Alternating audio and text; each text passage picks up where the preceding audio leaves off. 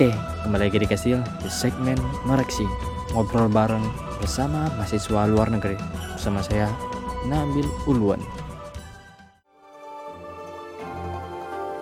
Teman-teman, kali ini kita sharing pengalaman kuliah di luar negeri lagi. Kita sudah kedatangan tamu dari negeri Sakura Kampungnya Nobita dan Shizuka, yaitu Jepang. Kelahiran dari kota Medan dan kuliah di Susei College.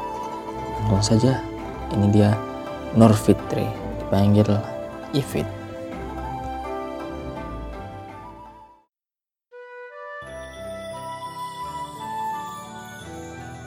Oh, genki desu ka? Hai, genki desu. Kak, gimana sih keadaan di sana Kak selama, COVID ini? Masih PSBB masih jalan atau pemerintah Jepang itu uh, kebetulan kakak tinggal di Osaka, jadi daerah Osaka itu kota yang terbesar kalau tidak salah itu kedua yang banyak korban, yang banyak yang kena apa namanya corona. Jadi uh, pemerintah Jepang itu buat peraturan selama bulan 5 sampai tanggal 31 Mei ini nah, semua kegiatan itu dibatasi. Misalnya kayak sekolah diliburkan. Setelah itu kayak restoran uh, ataupun kegiatan yang mengundang banyak orang itu sebaiknya diberhentikan. Terus kayak supermarket itu masih buka, dan restoran itu sebenarnya masih buka tapi jamnya itu dibatasin gitu. Biasanya restoran itu bukanya sampai pagi, sekarang itu cuma sampai jam 8 malam gitu. Ataupun mereka tuh nggak makan di restoran tapi dikasih bekal gitu untuk dibeli, bawa pulang gitu lah istilahnya. Ya. Berarti dia kayak cuman beli di situ doang langsung bawa pulang aja nggak beli makan ya? Iya iya. Tadi sama aja di kayak di Indonesia gitu. Iya. Oke kak, kan kakak di sini kuliah di Jepang sampai kerja di Jepang juga kan. Iya. Boleh dong kak ceritain sedikit kenapa pilih studi di luar negeri, kenapa pilih negara Jepang kak, dan tahu dari mana link atau info sampai ke Jepang kak? Itu awalnya kenapa dari kecil kan di TV Indonesia juga udah banyak tuh anime-anime dari Jepang. Sebetulnya minat minat ke Jepang itu suka dengan anime-anime itu waktu kecil udah udah suka gitu. Cuman waktu SMA itu sering ikutin acara-acara seminar ke luar negeri. Ke mana aja gitu ke Eropa ke Asia ikut seminarnya cari informasi untuk untuk belajar di luar negeri. Nah kemudian lihat-lihat dan ikut kalau nggak salah itu ada festival kebudayaan Jepang di USU nah di, di, festi di festival itu sering juga ada ada apa namanya ada uh, seminar pendidikan Jepang. Nah jadi dari situ dikenalin Jepang itu budayanya apa nah pas dikenalin jadi jadi pingin belajar budaya Jepang sambil belajar studi yang ingin dilanjutkan gitu. Nah, tahu dari linknya dari mana? Setelah fokus nih, oh kayaknya bakalan pingin di Jepang nih melanjutkan studi. Nah, aku makin cari-cari informasi melalui website atau kayak datang ke kantor kedutaan besar yang ada di Medan. Nah, di situ tuh ada perpustakaannya. Nah, di perpustakaannya itu banyak meletakkan apa majalah-majalah tentang pendidikan Jepang itu. Nah, dari situ sih informasinya sampai memutuskan sampai saat ini gitu. Oh berarti udah persiapan ya kak. Oke kak, sebelum kuliah di Jepang tuh berarti kita harus sekolah dulu ya. Maksudnya sekolah bahasa dulu ya. Iya. Oke. Dari sekian banyak sekolah bahasa Jepang, Iya. kenapa dipilih OBKG dan kepanjangan OBKG itu apa kak? Coba jelasin dong tentang sekolahnya kak. Oke, pertama itu tergantung ya program apa yang kita ikutin. Mau ikut program bahasa Inggris juga ada, program yang sekolah bahasa Jepang juga ada. Tapi menurut informasi yang saya cari-cari gitu, katanya di Jepang itu orang yang nggak sebanyak orang Indonesia yang bisa bahasa Inggris gitu. Walaupun kita studi pakai bahasa Inggris, tapi kayak kehidupan sehari-hari kita kayak ngurusin surat-surat uh, surat-surat di Jepang gitu, tuh otomatis kita juga harus bisa bahasa Jepang. Nah, supaya kehidupan kita itu nggak susah gitu di Jepang, alangkah baiknya jika kita tuh belajar bahasa Jepang dulu gitu di sini.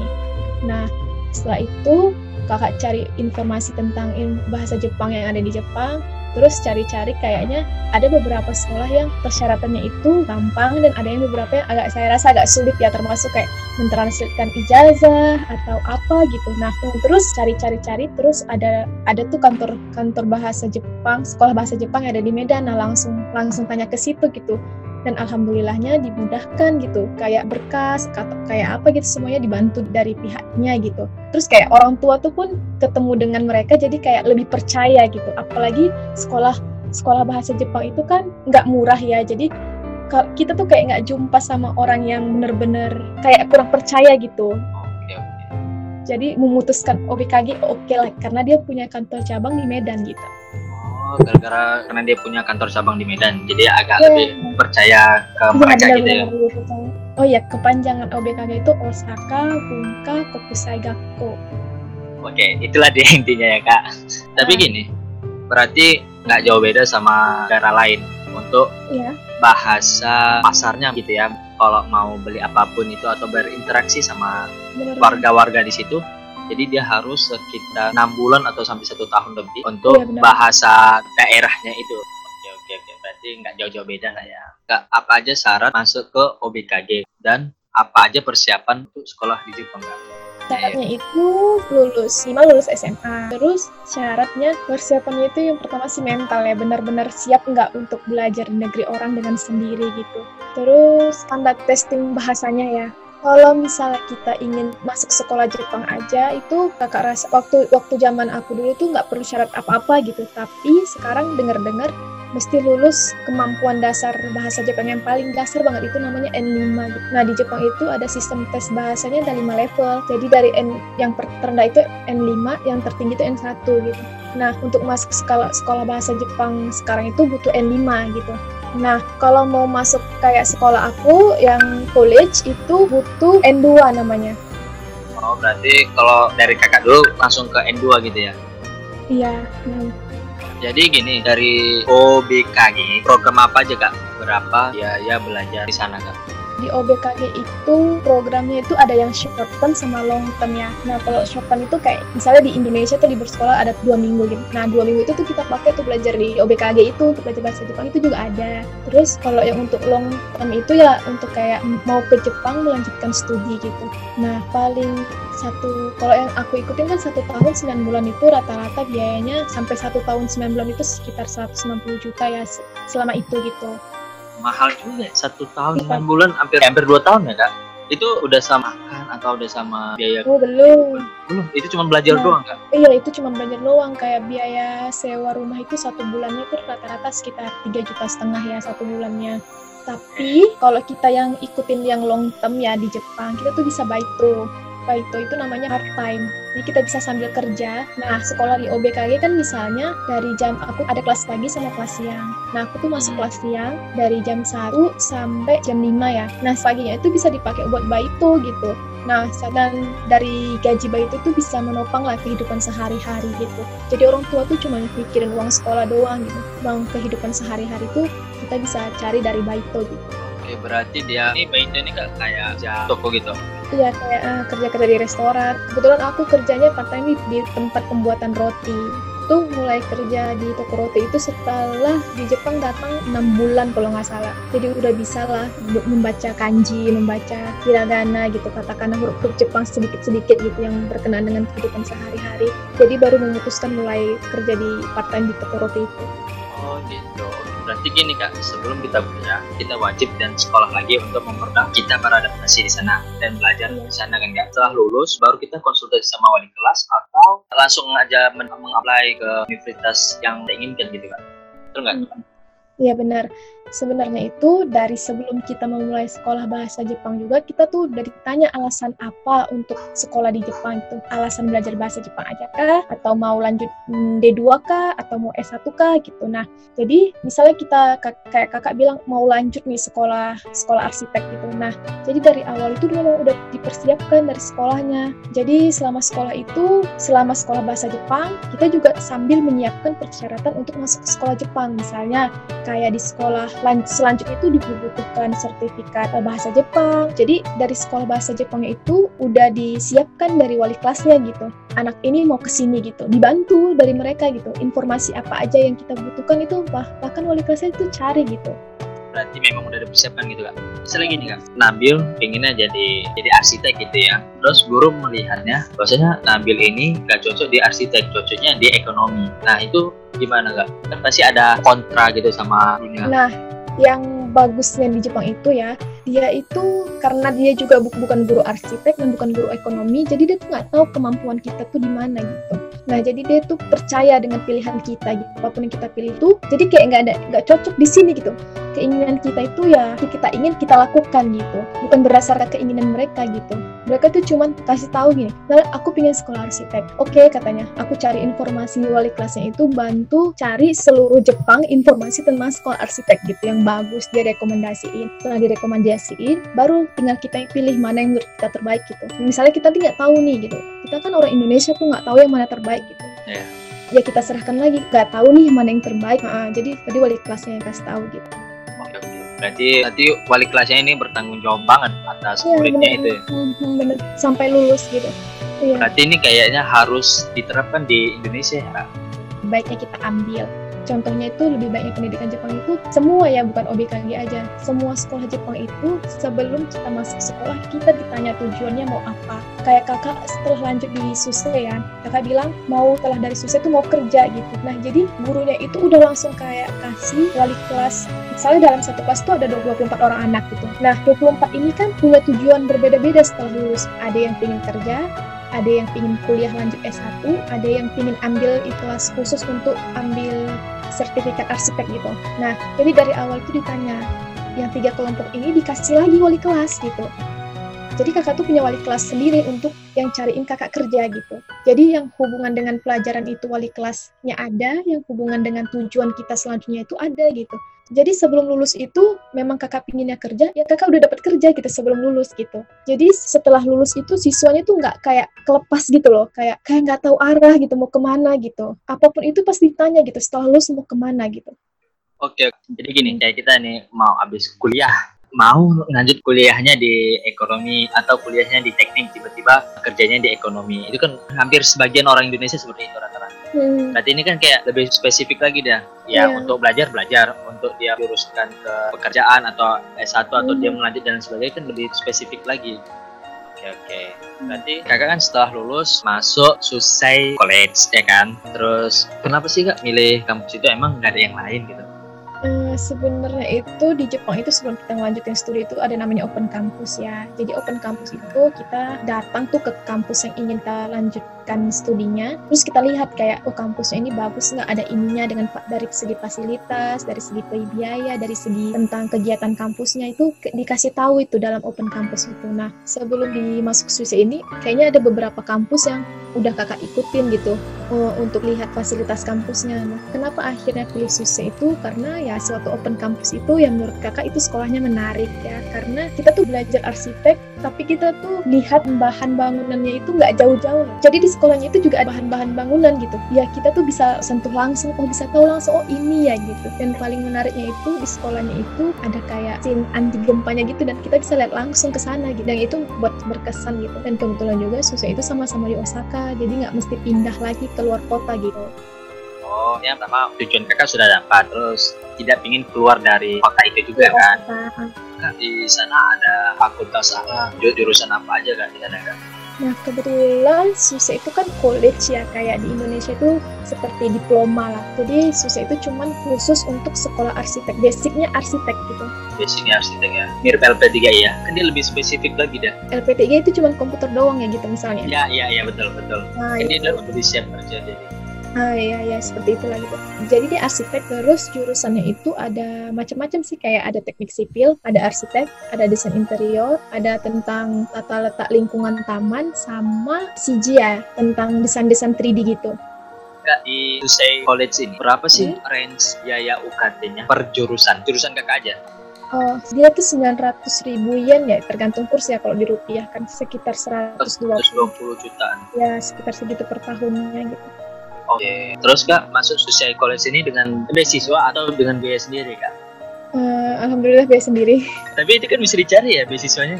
Oh bisa bisa tapi kalau college itu lebih sedikit ya beasiswanya daripada dibandingkan dengan S1 dan S2 di Jepang. Oke oke. Berarti kak kalau misalnya kita apa aja yang bisa didapat di dalam kampus beasiswanya itu dan di luar kampus kak? Misalnya kalau kalau di dalam kampus kita tuh daftar hadirnya 100% terus kayak eh, apa ya tunggu dulu bahasa Indonesianya? Nilai. Nilai nilai sekolahnya bagus itu bisa dapat potongan uang sekolah dari sekolahnya. Terus ada juga namanya dari dinas pendidikannya Jepang itu juga bisa mengajukan beasiswa ke situ gitu. Tuh per bulannya kalau nggak salah dapat sekitar 6 juta ya satu bulannya selama satu tahun atau enam bulan gitu. Bagus ya kak. Iya kak misalnya ngambilnya S1 udah selesai Iya. terus mau apply S2 tanah bisa nggak kak mengapply-nya ini mau pakai beasiswa dari Indonesia dulu, pakai biaya sendiri atau pakai apa gitu. oke kak dari kan orang yang berada banget ya Ya, ya. pertama dari yang beasiswa dulu kak Terus nanti baru kita biaya sendiri Oke, misalnya kalau mau S2 dari beasiswa itu kayaknya di Indonesia itu banyak sih kayak perusahaan-perusahaan Jepang yang menawarkan beasiswa untuk S2. Misalnya kayak Mitsubishi itu kakak pernah lihat websitenya itu mereka beasiswa untuk S2. Dan yang paling gampang dan paling sering dan dan selalu ada itu itu namanya Monbu Kagakusho. Itu kayak dari dinas pendidikan Jepangnya gitu. Beasiswanya itu bisa dilihat sih di websitenya gitu. Monbu Kagakusho itu. Nah kakak itu pernah ikut itu tapi gagal gitu. oke apa-apa aja itu jadi kita sebagai perbankan ya kalau mau beasiswa itu ya harus gigit juga ya kan kak Iya. Kak, berarti kakak ini kan udah tamat ini ya udah tamat di dua di Sosei College ya emangnya S1 nya dulu di mana kak di Universitas Negeri Medan yaitu jurusan biologi. Unimed Iya Unimed. kenapa tiba-tiba melewet ke desain interior gitu Jadi dulu awalnya memang dari SMA nih udah mutusin nih pingin kuliah ke luar negeri nih, termasuk kayak pingin kuliah di Jepang gitu. Nah cuman ikut yang beasiswa Monbu Kagakusho itu tadi karena gagal. Jadi kakak daftar SMBPTN ya namanya. Ya. Ikut itu terus pilihannya itu pertama itu arsitek USU sama biologi Unimed gitu. Nah yang jadi yang lulusnya itu ya di biologi itu gitu. Sebenarnya pingin ngambil yang di, di USU ini gitu kalau lulus. Cuman nggak karena nggak lulus daripada sayang kan gitu. Istilahnya orang tua juga udah bahagia, udah terlanjur senang duluan anaknya lulus universitas negeri gitu tuh lanjutin aja gitu. Jadi setelah S1 ada chance ini pergi ke Jepang gitu. Dan sebenarnya awalnya tuh niatnya S2. Cuman kakak rasa kayaknya lebih kesempatan terbuka untuk kerjanya itu di arsitek. Jadi kakak balik lagi gitu, ngulang di arsitek lagi belajar di Jepang. kak belajar di sana itu apakah pakai bahasa Inggris apakah pakai bahasa Jepang Karena kakak juga ikut sekolah Jepang, jadi itu lanjutin diplomanya juga pakai bahasa Jepang. Ya, oke. Terus kak, gimana dengan sistem belajar di sana kak? Apakah sama seperti di Indonesia, kayak buat makalah atau karya ilmiah gitu kak? Sistem belajarnya di Jepang itu kayaknya lebih ke kalau kita kan banyak tugas nih. Jepang tuh lebih nggak ngasih kita tuh tugas sama sekali gitu. Hmm, Jadi kayak sekolah kakak bahasa Jepang itu ada sih kayak kayak PR tapi ya nggak terlalu berat itu. Eh, jadi kayak bawa sekolahnya tuh santai tanpa ada stres gitu sih sebenarnya. Terus kayak yang diploma itu paling itu kayak belajarnya itu 50% di kelas, sekitar 20% itu ngunjungin lapangan, terus 30% itu di ruang praktikum gitu. Jadi balance dia kan kak? Ya, Iya. teori dengan dapat. apa yang kita pelajarin nah, dengan di lapangan itu nggak jauh berbeda Oke, jadi paham. Nanti biar anak Indonesia biar ya siap untuk kerja. Kegiatan selain kuliah apa aja kak? sebelum selesai kuliah itu kegiatannya ya sambil part time tadi ya kuliah libur sambil part time gitu Oke. Udah berapa lama kak di Jepang? tahun ini tahun keempat tinggal Tahun di- keempat? tinggal di Jepang Oke. Di sana musim apa aja kak?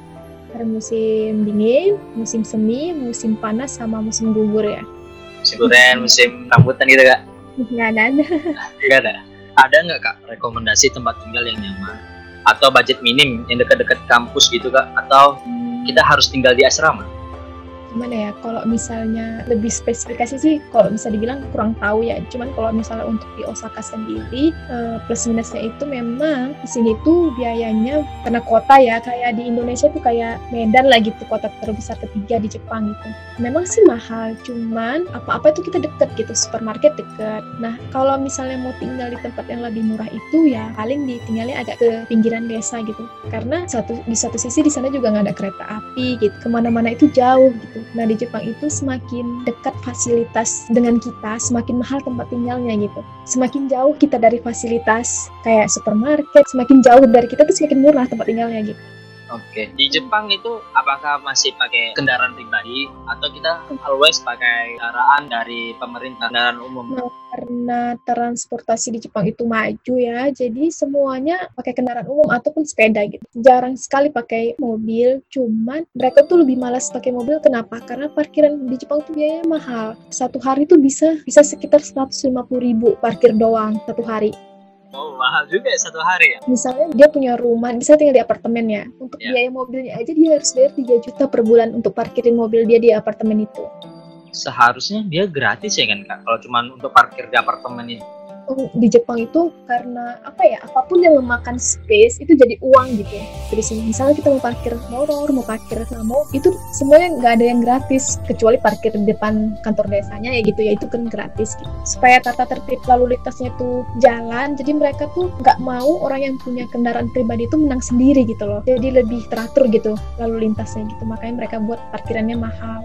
Betul sih kak, kayaknya. Dari budaya mereka sendiri sih yang harus diterapkan. Makanya akhirnya jalan kan. Ya mungkin ada waktunya belum aja pada saat ini. Oke kak. Oh iya, kira-kira biaya kehidupan di sana gimana kak? Gimana dengan biaya makan tiga kali sehari berapa? Termasuk mahal apa enggak? Dan gimana cara menemukan makanan halal kak? Atau halal food?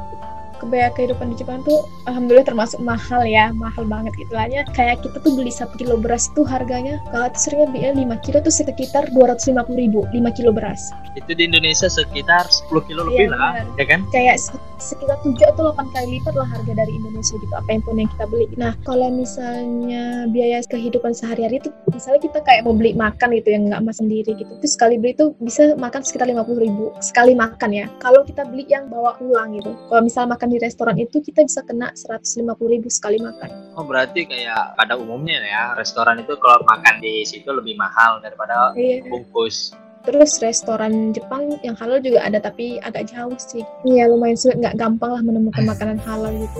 Terus kak kalau transfernya gimana sih kak uang bulanan mereka itu? Eh, uangnya itu biasanya kebanyakan sih ditransfer di, dari ATM ya, karena ATM Indonesia di sini juga bisa di- bisa dipakai sih untuk narik uang di 7-Eleven misalnya. Bukannya Seven Eleven itu yang udah tutup itu kak? Ya di Indonesia kan, di sini banyak 7-Eleven. Oke oke. Ya kalau liburan kuliah sama teman-teman Hmm. biasanya jalan-jalan ke mana aja kak? Boleh dong share ke kita tempat wisata yang bagus bang. Kan kita tuh refreshing juga ya nggak? Iya, kalau misalnya libur kuliah itu biasanya yang deket-deket dulu ya dari rumah gitu. Karena di Jepang itu ya paling khasnya itu adalah kuilnya gitu. Kenapa khas? Karena kuilnya dari berat beratus-ratus tahun lalu itu masih berdiri kokoh gitu. Jadi ya biasanya sih sering lihat-lihat bangunan tua di sekitar-sekitar dulu gitu. Misalnya kayak dari rumah itu naik sepeda ke Osaka Castle itu, itu deket kan. Dan Iya. Osaka Castle juga terkenal gitu di, di kalangan wisatawan gitu. Jadi di sekitar-sekitar sini kalau misalnya musim sakura juga di belakang juga lah di dekat rumah sini bisa lihat sakura gitu lebih ke situ sih wisatanya gitu kalau misalnya agak jauhan dikit bisa pergi ke Kyoto atau Nara atau Kobe. Oh ya kak, boleh share sedikit dong suka suka sama belajar dan kuliah di sana kak? Nah, suka dukanya itu pasti ya kita tuh tinggal di negara yang berbeda dengan sebelumnya gitu. Apalagi sendirian tanpa orang tua. Ya tahun pertama itu pasti pasti berat karena kita harus nyesuaiin kita gimana tanpa orang tua, nyesuaiin dengan lingkungan, nyesuaiin dengan cuaca, nyesuaiin dengan makanan itu pasti tahun pertama itu tahun-tahun berat gitu. Tapi kalau kita udah bisa mengatasinya, insya Allah sih jadi kayak asik sih, jadi kayak menarik, jadi kayak oh bersyukur sih bisa merantau ke luar negeri gitu jadinya. Nah dulu tuh aku termasuk yang tahan pedes ya sebelum pergi ke Jepang gitu. Setelah pergi ke Jepang karena jarang, udah mulai jarang makan sambal. Jadi waktu pulang ke Indonesia tuh udah nggak kuat lagi makan sambal gitu. Berarti harus cepat beradaptasi ya kak? Baiklah, untuk mengakhiri sharing kita kali ini, ada nggak kata-kata yang ingin kakak sampaikan yang dapat memotivasi para kaula muda agar lebih semangat untuk kak?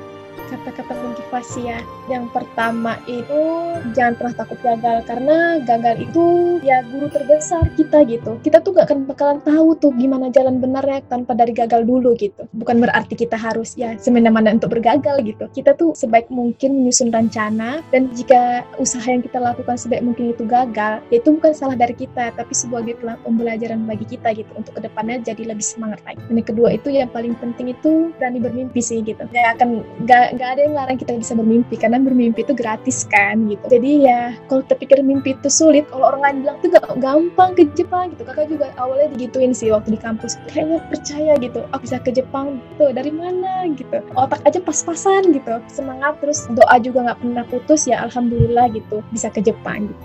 Kita nih sebagai anak muda ngabisin masa gagalnya dulu baru kita bisa Iya, mendapatkan masa suksesnya kan gitu kan gambar yasan artinya ya semangat terus gitu nggak pernah putus gitu.